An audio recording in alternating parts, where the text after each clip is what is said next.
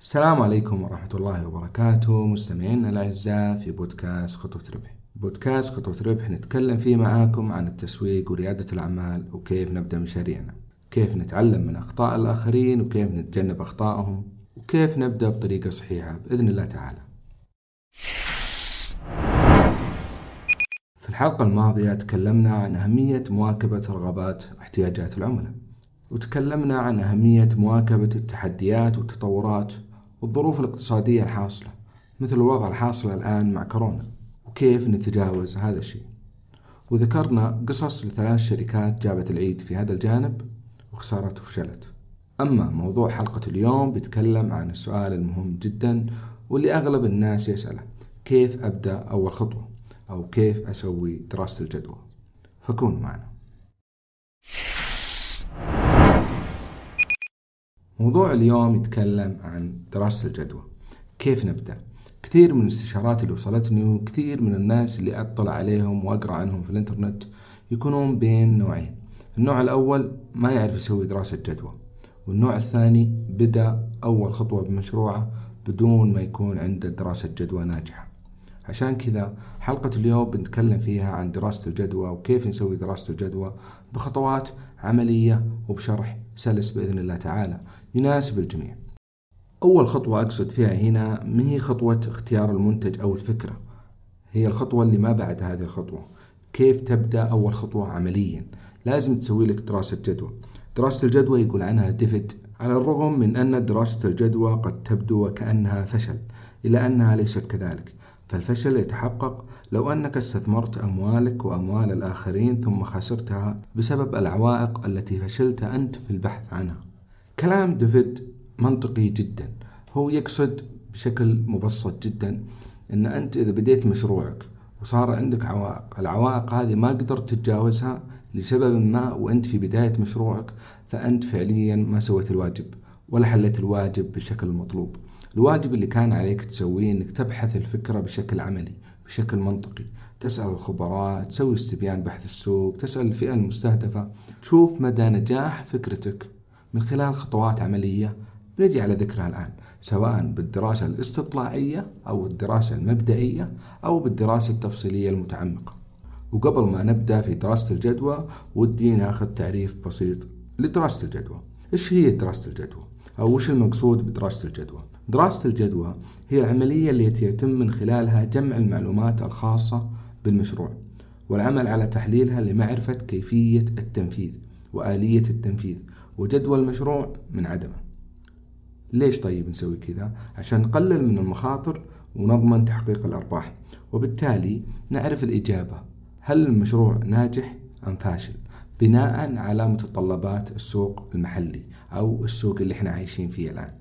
وبشكل ثاني دراسة الجدوى نقدر نعرفها أنك أنت تتعرف على منتجك فئتك شركتك مراحل مشروعك بشكل مختصر جدا. قبل ما تخطو أول خطوة عملية وتخسر فلوسك. أما فوائد دراسة الجدوى من الممكن استخلاصها من التعريف هذا. أول شيء أنك بتعرف مشروعك بشكل أكبر وأعمق وتقدر تربطه بالواقع بالأدوات المتاحة عندك. لكن فعليا أنت هنا بتتجرد من العاطفة. العاطفة اللي تضغط عليك تخليك تشوف فكرتك أعظم فكرة. وتدفعك أنك تبدأ مشروعك بدون ما تاخذ خطوات علمية ومحسوبة بالشكل المطلوب بتساعدك دراسة الجدوى على التنبؤ بمدى نجاح الفكرة متطلبات النجاح وكيف تنجح بالضبط. وبتعرف العوائق بشكل كبير جدا حتى تستطيع انها إذا واجهتك تتغلب عليها لأنك عارفها بشكل مسبق ومستعد لها. تعرف كل مراحل مشروعك وسمة كل مرحلة. بتسوي دراسة للسوق بشكل مفصل ودراسة الفئة المستهدفة دراسة المنافسين نقاط قوتهم وضعفهم كيف حتى أدائهم في منصات التواصل الاجتماعي. هذا الشيء ما كان موجود ترى في الدراسات الجدوى السابقة.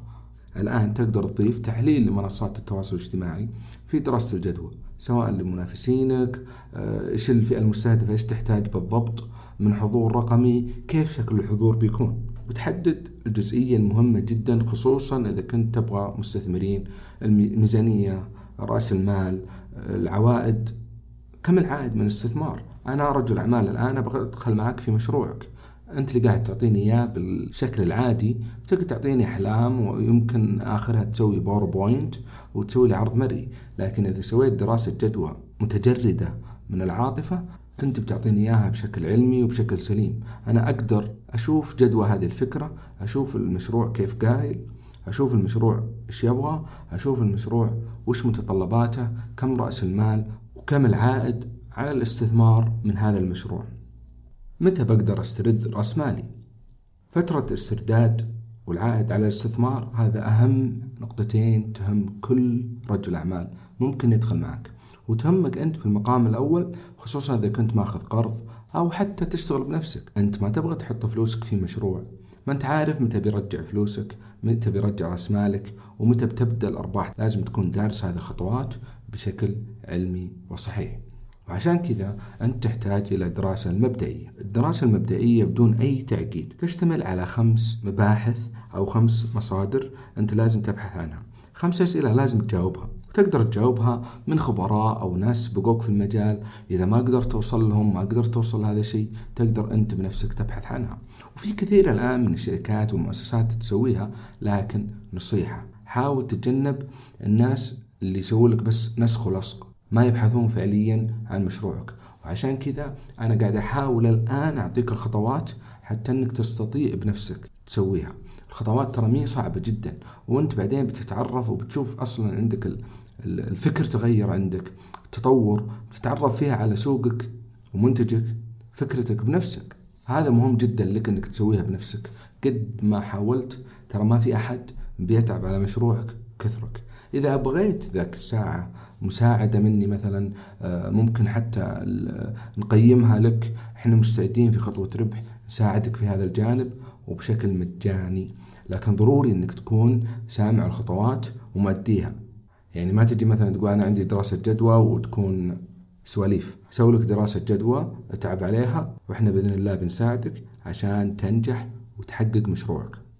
ولأن هذا هدفنا أصلا من البودكاست وإحنا ذكرناها في الحلقات السابقة إحنا مستعدين نساعد كل رائد ورائدة أعمال في تحقيق أحلامهم وتحقيق مشاريعهم فبالتالي من باب أولى أننا نساعدك بشكل أكبر إذا كنت مستعد وقاعد تمشي معنا بالخطوات. ممكن أختصر لك الخمس أسئلة هذه بشكل مختصر جدا. أول شيء نبغى نعرف وضروري نعرف أنا وياك كيف الإقبال على المنتج اللي أنت تبغى تبيعه؟ الشريحة المستهدفة وحجمها في السوق. حجم السوق نفسه. مثلا أنت الآن تبي تدخل في مجال العطور. كيف حجم سوق العطور في السعودية؟ مين المنافسين الموجودين؟ كم الحصة السوقية لكل منافس؟ وأهم شيء تعرف التكاليف المبدئية التكاليف التشغيلية التكاليف التأسيسية لمشروعك. كم بيكلفك مثلا لما يكون مشروعك مثلا قهوة مختصة كوفي شوب مطعم العمالة رسوم العمالة الأشياء هذه كلها لازم تدرسها بشكل كبير جدا. إذا عرفت تكاليفك المبدئية متى بتربح الأدوات المطلوبة أماكن البيع الشكل القانوني هذا بيعطيك مؤشر مبدئي في الدخول في هذا المشروع. يعني أنت بيكون عندك الدراسة واضحة جدا وفيها الجواب بناء على الأرقام والإجابات على الأسئلة السابقة. أنت بتعرف هل تبدأ بالمشروع أو ما تبدأ. بالنسبة لي أحب أقسم دراسة الجدوى على خمسة أقسام وقريبة ترى من الأسئلة اللي تكلمنا عنها قبل شوي. لكن بناخذها الآن بشكل معمق أكثر. أول حاجة الدراسة التسويقية الدراسة التسويقية لازم نعرف المنتج هذا يقدم لمين من الفئة المستهدفة. كيف شكل التقديم بيكون؟ إيش القيمة المضافة لهذا المنتج؟ نقاط القوة والضعف للمنتج أو الفكرة أو الخدمة اللي ممكن نقدمها. إيش هي المقترحات المناسبة لتحسين المنتج؟ لتحسين تقبل الناس مثلا للمنتج مين أهم منافسينك في نفس فكرتك في نفس سوقك؟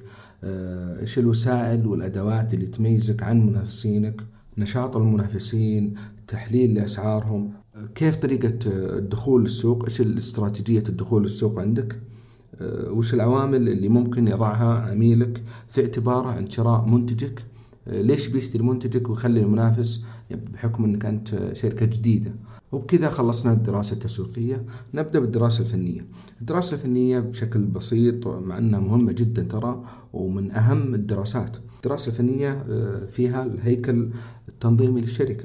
آه، خطوات تنفيذ المشروع بمعدل زمني فريق العمل الطاقة الإنتاجية آه، طريق المتابعة مثلا في الإنتاج.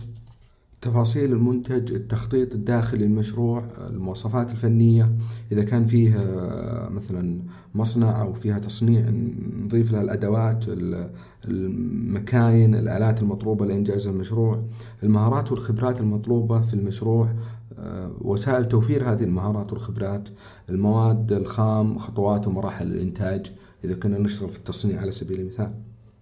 الدراسة الثالثة ومهمة جدا وتهم يعني إذا أتقنتها بإذن الله تعالى تقدر تقنع فيها أي مستثمر.